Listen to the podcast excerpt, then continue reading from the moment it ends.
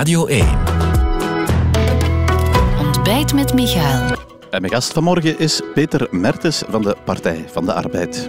Radio 1. Altijd benieuwd. Meneer Mertens, ik wil met u beginnen met uh, nieuws van gisteravond. Er was natuurlijk veel aandacht voor dat overlegcomité.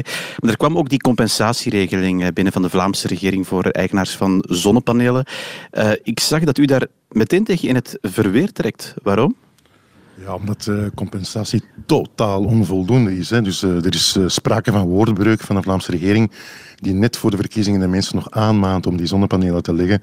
En die belooft dat mensen daar 15 jaar genot van kunnen krijgen, van die terugdraaiende teller. En dus we kennen heel veel mensen die hun laatste spaarcentjes in die zonnepanelen hebben gestoken uh, vorig jaar, of zelfs geld hebben geleend om dat te doen. En een eenmalige compensatie nu van, van 1000 of 1300 euro, dat uh, compenseert natuurlijk niet het 15 jaar lange genot dat men zou kunnen, kunnen hebben. Wat moet die compensatie dan wel zijn volgens u? Nee, volgens ons moet er een volledige compensatie en wat is dat dan? zijn. En dus dat betekent dat de mensen die nu benadeeld worden, dat die volledig gecompenseerd worden voor, voor, voor de geleden schade, omdat het gaat om woordbreuk. En daarom zullen wij samen de Vlaamse regering regering uh, in gebreken stellen. En uh, aan die Vlaamse regering vragen om uh, de mensen te compenseren. Want het kan natuurlijk niet zijn dat je enerzijds belooft, net voor de verkiezingen, om 15 jaar lang genot te hebben van zo'n regeling en dat nadien niet kunt hard maken. U zegt, we stellen de Vlaamse regering in gebreken, dus u gaat naar de rechtbank. Ja, in de eerste fase betekent dat dat we een ingebrekenstelling doen van de Vlaamse regering met heel veel eigenaars. En als die Vlaamse regering dan niet op die ingebrekenstelling ingaat, dus niet op die volledige compensatie ingaat, dan zal er uh, in de tweede fase een juridische actie met heel wat eigenaars worden ondernomen. Dat, dat lijkt mij logisch. Want u moet ook weten, het zijn nu voornamelijk eigenlijk de mensen die ook overdag gaan werken en die die zonnepanelen uh, hebben gelegd, die, die heel hard worden getroffen. Want wat, wat, wat gebeurt er? Die mensen moeten overdag gaan werken. Uh, die die stuwen energie op eh, dat net nu. En met een terugdraaiende teller kunnen die diezelfde energie s'avonds hergebruiken voor je wasmachine en, en, en, en zo verder. Maar die mensen die met, met, met de nieuwe regeling uh, gaan die bijna gratis de energie op, de, op het net moeten zetten en gaan die s'avonds uh, aan dure tarieven hun eigen energie moeten terugkomen. En dat is natuurlijk uh, heel, heel moeilijk. Ja, en nu start dus die juridische strijd ja. voor die volledige compensatie. Hoeveel moet dat kosten, zo'n volledige compensatie? Ja, maar de, de vraag is natuurlijk nu al deze compensatie. Hè, dus die uh, de, de, Vlaamse regering heeft uh, voorgesteld gisteravond, die kost ons nu al een half miljard euro. Hè. En dat is ja, de volledige compensatie, en, wat gaat dat dan ja, zijn? Dat, dat, dat, zijn we aan het berekenen, hè. dat is nog allemaal heel vers. Maar de vraag is natuurlijk waar dat die half miljard euro, die nu al voorzien is, waar die naartoe gaat. Hè. Want als, als men van plan is om die ook nog eens door te rekenen bij iedereen, hè, zoals men eigenlijk met de turteltax destijds ook doet, dan gaan men ook de niet-eigenaars van zonnepanelen nog eens treffen. Hè. En dan heeft men eigenlijk iedereen getroffen. Ja, want daar wil ik even op ingaan. Dat is ja. wel de, de indruk die u nu wekt, meneer Mertens. U bent de partij van de, van de arbeider voor een stuk. Ja, ja. Uh, die gaat nu moeten meebetalen voor, uh, ja, laten we zeggen, de middenklasser die zonnepanelen op zijn dak ah, wel, ja. Vergis u niet, hè. er zijn heel veel uh, arbeiders, gewone werkende gezinnen, die nog verleid zijn geweest de afgelopen jaren om die zonnepanelen te investeren. Die zonnepanelen zijn goedkoper geworden. En net met de belofte van die terugdraaiende teller hebben heel wat werkende gezinnen dat gelegd. Maar je hebt gelijk natuurlijk, er zijn ook heel wat andere gezinnen die dat niet hebben Maar zij worden misschien wel slachtoffer van uw volledige nee, nee, compensatieregeling. Dan, ze zijn in eerste plaats de slachtoffer van, van de Vlaamse regering die die, die compensatie wil doorrekenen uh, naar, naar, naar iedereen. En destijds hebben wij de tuffeltax vernietigd, uh, laten vernietigen en wij zijn naar het grondwettelijk hof uh, gestapt om die turteltax te doen vernietigen. Wij zullen nu ook zien dat de factuur wordt doorgerekend naar bijvoorbeeld de groten, hè, want die blijven altijd buitenspel en daar gelden... Wat, wat, wat bedoelt u daar dan mee, naar ja, de groten? De, als je kijkt dat de, de, eigenaars van zonneplantages, dus niet de kleine gezinnen die zonnepanelen hebben gelegd, maar, maar de groten zoals Fernand Huts, die zonneplantages, paneelplantages uh, hebben en die elk jaar 13 miljoen euro subsidie blijven krijgen van de belastingbetaler, lijkt het ons wel logisch dat daar ook eens uh, wordt, dat die schouders worden aangesproken om heel dat debakkele mee ja, te maar betalen. Weet ook, als, als die compensatieregeling, dat komt uit algemene middelen, ja. dus, dus dat, dan, uh, het is niet 1 plus 1 is niet 2 in dit geval. Hè. U, u zegt twee verschillende dingen eigenlijk. Eigenlijk. Nee, maar als het komt uit uh, algemene middelen, gaan we, gaan we moeten kijken uh, welke sectoren dan uh, die middelen niet krijgen. Hè. Of dat dat het onderwijs gaat zijn, of dat dat cultuur gaat zijn, of dat dat sport gaat zijn. En dus die, dat half miljard van het aangekondigde debakkelen zal wel ergens voorkomen. En dus dan zeggen wij, nee, deze keer moeten we het debakkelen niet laten betalen, nog door de openbare of publieke diensten, nog door de mensen zelf. Ja, en dus daarom trekt u het, de juridische strijden. Het was gisteren natuurlijk vooral alle ogen op dat overlegcomité met strenge maatregelen. Uw partij, hoe staat u eigenlijk tegenover ja, wat we gisteren gehoord hebben, maar ook de maatregelen die, die al een hele tijd eh, van kracht zijn? Ja, het, is, het is chaos en het blijft ook chaos. Dus wij zijn heel kritisch ten aanzien eh, van het beleid van de regering.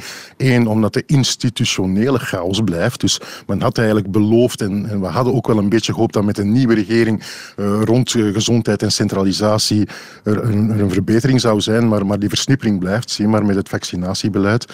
Erger nog is in, ten tweede dat, dat, dat er een aantal taboes blijven. En week na week proberen wij op tafel te kloppen in de commissie Gezondheid bijvoorbeeld om te zeggen van die clusters van uitbraken in grote bedrijven, die worden haast niet besproken. Dus wij brengen dat in de pers, die cijfers. Uh, en uh, de controles op het grootbedrijf, dus het blijkt uit de cijfers van Sciensano dat dat toch een heel belangrijke bron nog blijft, de werkvloer van besmettingen. En dat komt bijna niet in het debat voor. En wij denken van ja, er zijn meer controles nodig uh, op het. De kleine... Wat, wat, wat, wat, wat, noem man en paard, wat, wat bedoelt u precies? Precies? Jawel, dat de sociale eh, inspectie is nu totaal onderbemand en onderbevrouwd. En als uh, er overtredingen zijn in het schoolbedrijf, dan komen 98% van de overtredingen weg met een simpele waarschuwing. Zo gaan we er natuurlijk niet geraken. En als je dan de hardheid kijkt van de overheidsmaatregelen ten aanzien van sectoren zoals de horeca en, en de zelfstandigen, de restaurants, de voorkramers, dat is een heel harde lockdown. Uh, en met, aan, aan de andere kant komt men ermee weg met, met waarschuwingen. Dat zijn twee maten, twee okay, gewichten die niet geduld worden. Dan wil ik toch even hebben over die, ja. die harde maatregelen die u zegt. Steunt u die eigenlijk als partij? Nee, ik, denk dat het veel efficiënter moet. Hè. Dus dat, het virus moet verslaan worden. Ook op wetenschappelijke basis, laat dat duidelijk zijn. Maar dan moet het wel efficiënt gebeuren. En uh, bijvoorbeeld de kwestie van het brononderzoek. We zijn nu bijna een jaar verder. Wij staan nergens. Wij staan als samenleving in heel Europa eigenlijk heel, uh, heel weinig ver rond brononderzoek. En net dat brononderzoek is heel belangrijk als je wil vermijden dat je algemene lockdowns... Uh, dus wij zijn nu in Europa bezig met een yo-yo-lockdown. Streng, strenger, minder streng. Maar we zitten in een permanente fase van lockdown en een aantal sectoren en een aantal lagen in de bevolking gaan ten onder. Ook de jongeren bijvoorbeeld. Ja, maar, maar concreet die horeca bijvoorbeeld. Wat, wat, wat is uw visie daar dan op, op die, op die maatregelen? Dat zij onder meer, samen met de jeugd, het slachtoffer zijn van het niet gericht uh, opsporen van de bronnen van de pandemie. En dus, want als je het ene niet doet, met name het gericht chirurgisch proberen clusters te ontdekken, dan moet je natuurlijk uiteraard uiteindelijk -hmm. wel algemene maatregelen uh, nemen. Dus het ene hangt samen met het Ja, maar steunt u dan die, die, op dit moment die, die sluiting van die horeca, want daar is nog geen sprake van nu, van die heropening. Steunt u dat als partij of zegt nee, u van nee? nee? Wij vinden dat er brononderzoek moet komen in de eerste plaats en dat je zo de toekomstige lockdowns kan vermijden. Hè? Want je, je werkt altijd op een zekere termijn. Op dit moment rond de horeca, en dat is dan het vierde punt, denken wij dat de regering te weinig doet om de banken te verplichten hun verantwoordelijkheid te nemen. Want als, en, dan zeker de staatsbanken. Want als ik dan de CEO van Belfius, van, van Belfius hoor, de, de heer Lamière, die, die dan zegt van ja, maar misschien hebben we wel cafés en restaurants te veel. Laat ze maar over kop gaan. Ja, dan moet dat moet echt afgestraft worden uh, als regering, want het gaat over een staatsbank. Men is blijkbaar vergeten dat wij in 2008 met overheidsgeld die banken hebben moeten redden en dat deze banken nu zelf het geld en de kredieten ter beschikking stellen van die moeilijke periode. Dat lijkt ons niet meer dan logisch. En wij krijgen heel veel signalen van voorkramers, van uh, cafébazen, van, van, van mensen uit de horeca die zeggen we hebben het heel moeilijk om de uitstel van de kredieten te doen verlengen. En we hebben schrik in maart, als die discussie opnieuw komt, dat die kredieten niet opnieuw okay. uh, zonder voorwaarden worden uitgesteld. Dus de banken moeten verplicht worden hun verantwoordelijkheid op te nemen. Dat punt hebt u gemaakt. Wat me wel opvalt, het, het is neem ik aan voor een oppositiepartij als de uwe ook. Ja, het is natuurlijk moeilijk om, om, om die maatregelen volledig af te schieten. Ik, ik merk het ook een beetje aan, aan hoe dat u hier formuleert. Ik heb de indruk, uw partij in die eerste lockdown heel prominent aanwezig als, als oppositiepartij. Nu een beetje stilgedemsterd op, op uh, het vlak van corona. Nee, we, zijn heel actief. Hè. We zijn een van de meest actieve partijen, denk ik, in die commissie Gezondheid en in het parlement. Ik stel ook vast dat, dat, dat wij niet zoveel uh, op dit moment in, in, in, het nieuws komen. Dat ligt niet aan onze activiteitsgraad. En nogmaals, we zijn... Maar misschien is het ook gewoon moeilijk om, om tegen die maatregelen uh, die uh, op dit moment het overlegcomité dan alle regeringen samen nog uitvaardigt, om daar heel scherp uh, tegenin te gaan. Ja, maar wij zijn bijzonder scherp en we gaan bijzonder scherp blijven. Hè? Want net het feit dat er een institutionele chaos is, dat men in het grootbedrijf de controles niet op een serieuze manier uitvoert uh, en dat men niet dat brononderzoek realiseert en, de banken verplicht de verantwoordelijkheid op te nemen, maakt nogmaals dat we de hele tijd in een situatie van een yo-yo-beweging zitten. En dat er heel wat lagen, bijvoorbeeld de jongeren, weinig perspectief hebben. En de jeugd, de plus 12-jarigen, die hebben het bijzonder moeilijk vandaag. En eigenlijk zijn ze allemaal een slachtoffer, uiteraard van het virus, maar ook van het niet efficiënt aanpakken van die pandemie. En dat zie je in heel Europa. Ik heb daar een boek over geschreven. Uh, ik heb ook gezegd, kijk, ik denk op sommige punten kunnen wij uit een aantal Aziatische landen ook wel wat halen. Bijvoorbeeld over de eerste lijnsgeneeskunde, over dat brononderzoek, over heel dicht uh, bij de mensen zijn als eerste lijn en om op die manier die haarden te ontdekken. Dat kunnen wij leren van, het Aziatisch, van een aantal Aziatische uh, landen en dat doen wij in Europa heel weinig, vind ik. Ja, dat is uh, het beheersen van die uh, gezondheidscrisis, de economische crisis, die komt er natuurlijk uh, nog aan. En de grote vraag zal zijn, heel die factuur, wie gaat die betalen? Wat, wat zou uw antwoord zijn? Het is een simpel vraag met een moeilijk antwoord, maar wat zou uw antwoord daarop zijn? Ja, natuurlijk. Hè. Dus die discussie is al volop bezig. Want ik herinner mij heel goed dat die nieuwe regering in het zadel is gekomen eigenlijk met de belofte om te, te, zeggen van deze keer gaan we naar eerlijke fiscaliteit. Hè, of zoals de CD&V zei en de SPA en de PS. En we gaan de grootste uh, schouders, de sterkste schouders, deze keer laten bij, bijdragen. En dus men heeft met heel veel fanfare uh, dat aangekondigd. Uh, PS-voorzitter Magnet heeft het overal herhaald. En uiteindelijk uh, blijkt dat op een sisser af te lopen. Dat is die effectentax. En heeft men nu de effectentax van de Zweedse regering uh, opnieuw opgewarmd. Dus diezelfde partijen die tegen de effectentax van de Zweedse regering destijds hebben gestemd en die hebben gezegd dat is een maat voor niets, dat is een symbolische maatregel, diezelfde partijen die er toen tegen waren, die hebben ze vandaag ingevoerd en stellen die effectentax voor als een grote overwinning voor eerlijke fiscaliteit. Wel, dat is het niet. Wat moet het dan wel zijn volgens Dat is het niet, omdat de, omdat de hoogste lagen, de toplaag in de samenleving, dat die opnieuw buiten schot uh, uh, blijft. Omdat daar zitten de aandelen op naam en die blijven in die effectentax buiten schot. En er zijn, we moeten dat ook echt eerlijk durven zeggen, er zijn een aantal winnaars in deze crisis en er zijn veel verliezers.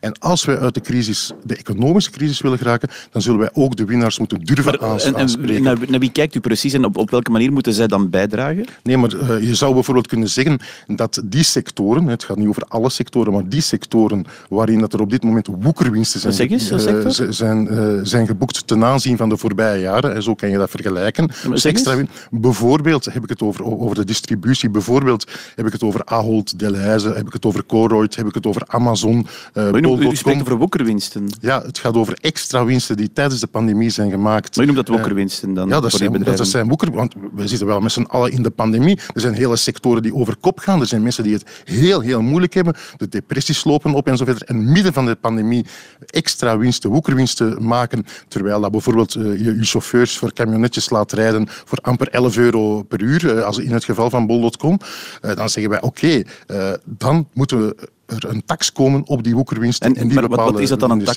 hoe gaat u dan bepalen welke, u noemt Colruyt ook, hè? Hoe, hoe gaat die dan uitzien, zo'n tax voor u? Ja, ja, dus als je vandaag bekijkt, als je bekijkt in, uh, in de periode van de pandemie, welke sectoren er extra winsten hebben gemaakt ten aanzien van de voorbije tien jaar, dus dat betekent welke sectoren in de coronapandemie extra winsten hebben geboekt, dan zou je een voorstel kunnen indienen om te zeggen, die extra winsten, daar gaan wij een deel van terugvragen als samenleving om iedereen uh, ermee vooruit te ja, Maar wat als die sectoren het morgen minder doen? Want, want u, u nee, maar je hebt, een aantal heel... je hebt een aantal sectoren die het echt goed doen tijdens die crisis. Je hebt de digitale sector, dat is dan internationaal. Je hebt de distributie die het heel, heel goed doet. En dan heb je een aantal sectoren die het heel moeilijk hebben. Hè. Als sector ook. De automotive sector heeft het heel moeilijk. De luchtvaart heeft het heel moeilijk. Het gaat hier wel duidelijk in dat voorstel om de winnaars van die coronapandemie. Dus niet over alle sectoren, ja. maar over de winnaarssectoren in, in, in de pandemie. Ja, en tot slot daar met, met, met dat voorstel dat u hier lanceert, meneer Mertz, wil ik even tot, tot bij de profilering van uw partij komen. Ik heb vaak de indruk dat, dat u wat afgunstig bent. Hè. U noemt hier winnaars mm. alsof het, alsof het ja, bijna een stigma is. Terwijl ja, supermarkten, dat is evident, dat, dat is in crisistijden vaak zo. Hè. Mm. Daar wordt vaker naartoe gegaan, al was het maar omdat restaurants dicht zijn natuurlijk. Nee, de kwestie van de, een eerlijke fiscaliteit en de kwestie van de herverdeling uh, van de rijkdom min, in midden van een, van een pandemie is een essentiële democratische kwestie. Als je dat niet oplost, als je die galopperende ongelijkheid niet oplost, dan kom je tot situatie van Trumpisme. Dan kom je tot situatie waar dat er hele grote groepen van mensen zich niet meer herkennen, uh, zich niet meer thuis voelen in de samenleving. Dus eerlijke fiscaliteit en herverdeling via een vermogensbelasting, bijvoorbeeld, dat is, dat is, een, dat is een essentieel democratische eis. Dat, heeft totaal, dat gaat ook om structurele maatregelen. Dat gaat niet over maatregelen tegenover personen. Dat heeft dus op zich niks mee afgunst te maken, maar wel met eerlijke fiscaliteit en eerlijke bijdrage tot de samenleving. Erkent u als partij ook dat, dat ondernemen ook een risico inhoudt en dat dan wie eh, risico neemt en, en daar dan wel bij vaart, dat dat misschien ook gegund kan zijn? Maar uiteraard, ja.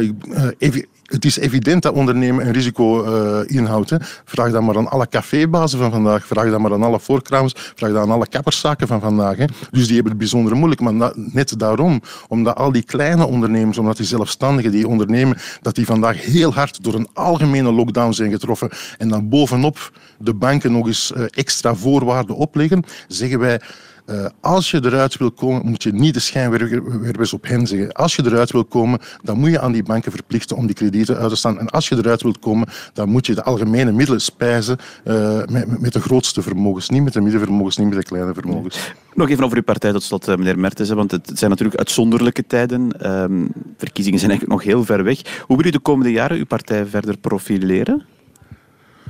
Ja, ik denk dat wij een aantal thema's op de agenda moeten blijven zetten hè, als partij. En dan denk ik onder meer over die, over die eerlijke fiscaliteit, het verzet tegen die effectloze tax zal verder gaan. We gaan een vermogensbelasting blijven en naar voren schuiven. We gaan ook, opkomen voor, voor, de, voor de vrije loononderhandelingen. Dus u weet, in het interprofessioneel akkoord is uh, er nu een loonnorm van 0,4 procent uh, opgelegd. Dat is, dat is om te lachen eigenlijk, want aan de top van de maatschappij is er helemaal geen plafond. En dan voor degenen die moeten blijven doorwerken tijdens de coronacrisis, gunt men amper 0,2 procent. We gaan ook de eenheid van het land uh, verder ondersteunen. We zijn, we zijn een partij die actief is in de, in de drie landsdelen. En we zijn dus tegen de splitsingen en tegen het separatisme. Wij vinden dat efficiënter zou zijn met één minister van uh, Volksgezondheid in plaats van acht ministers die, die ruzie maken. Dus er zijn genoeg thema's om tegenover deze regering uh, een progressief en, en sociaal alternatief op de kaart te zetten. En om thema's echt ook op de agenda te zetten. Zo hebben we trouwens ook het zorgfonds destijds, net voor de coronacrisis, hebben we ervoor gezorgd dat er extra middelen voor de zorg uh, kwamen. En dus nu ook dat verzet tegen die compensatie, want daar zijn we mee begonnen. Peter Mertens van de PvdA, dankjewel voor de komst. Dit was Ontbijt met Michael, een podcast van Radio 1. Ontdek nog meer podcasts van Radio 1 in onze app en op radio1.be. Altijd benieuwd.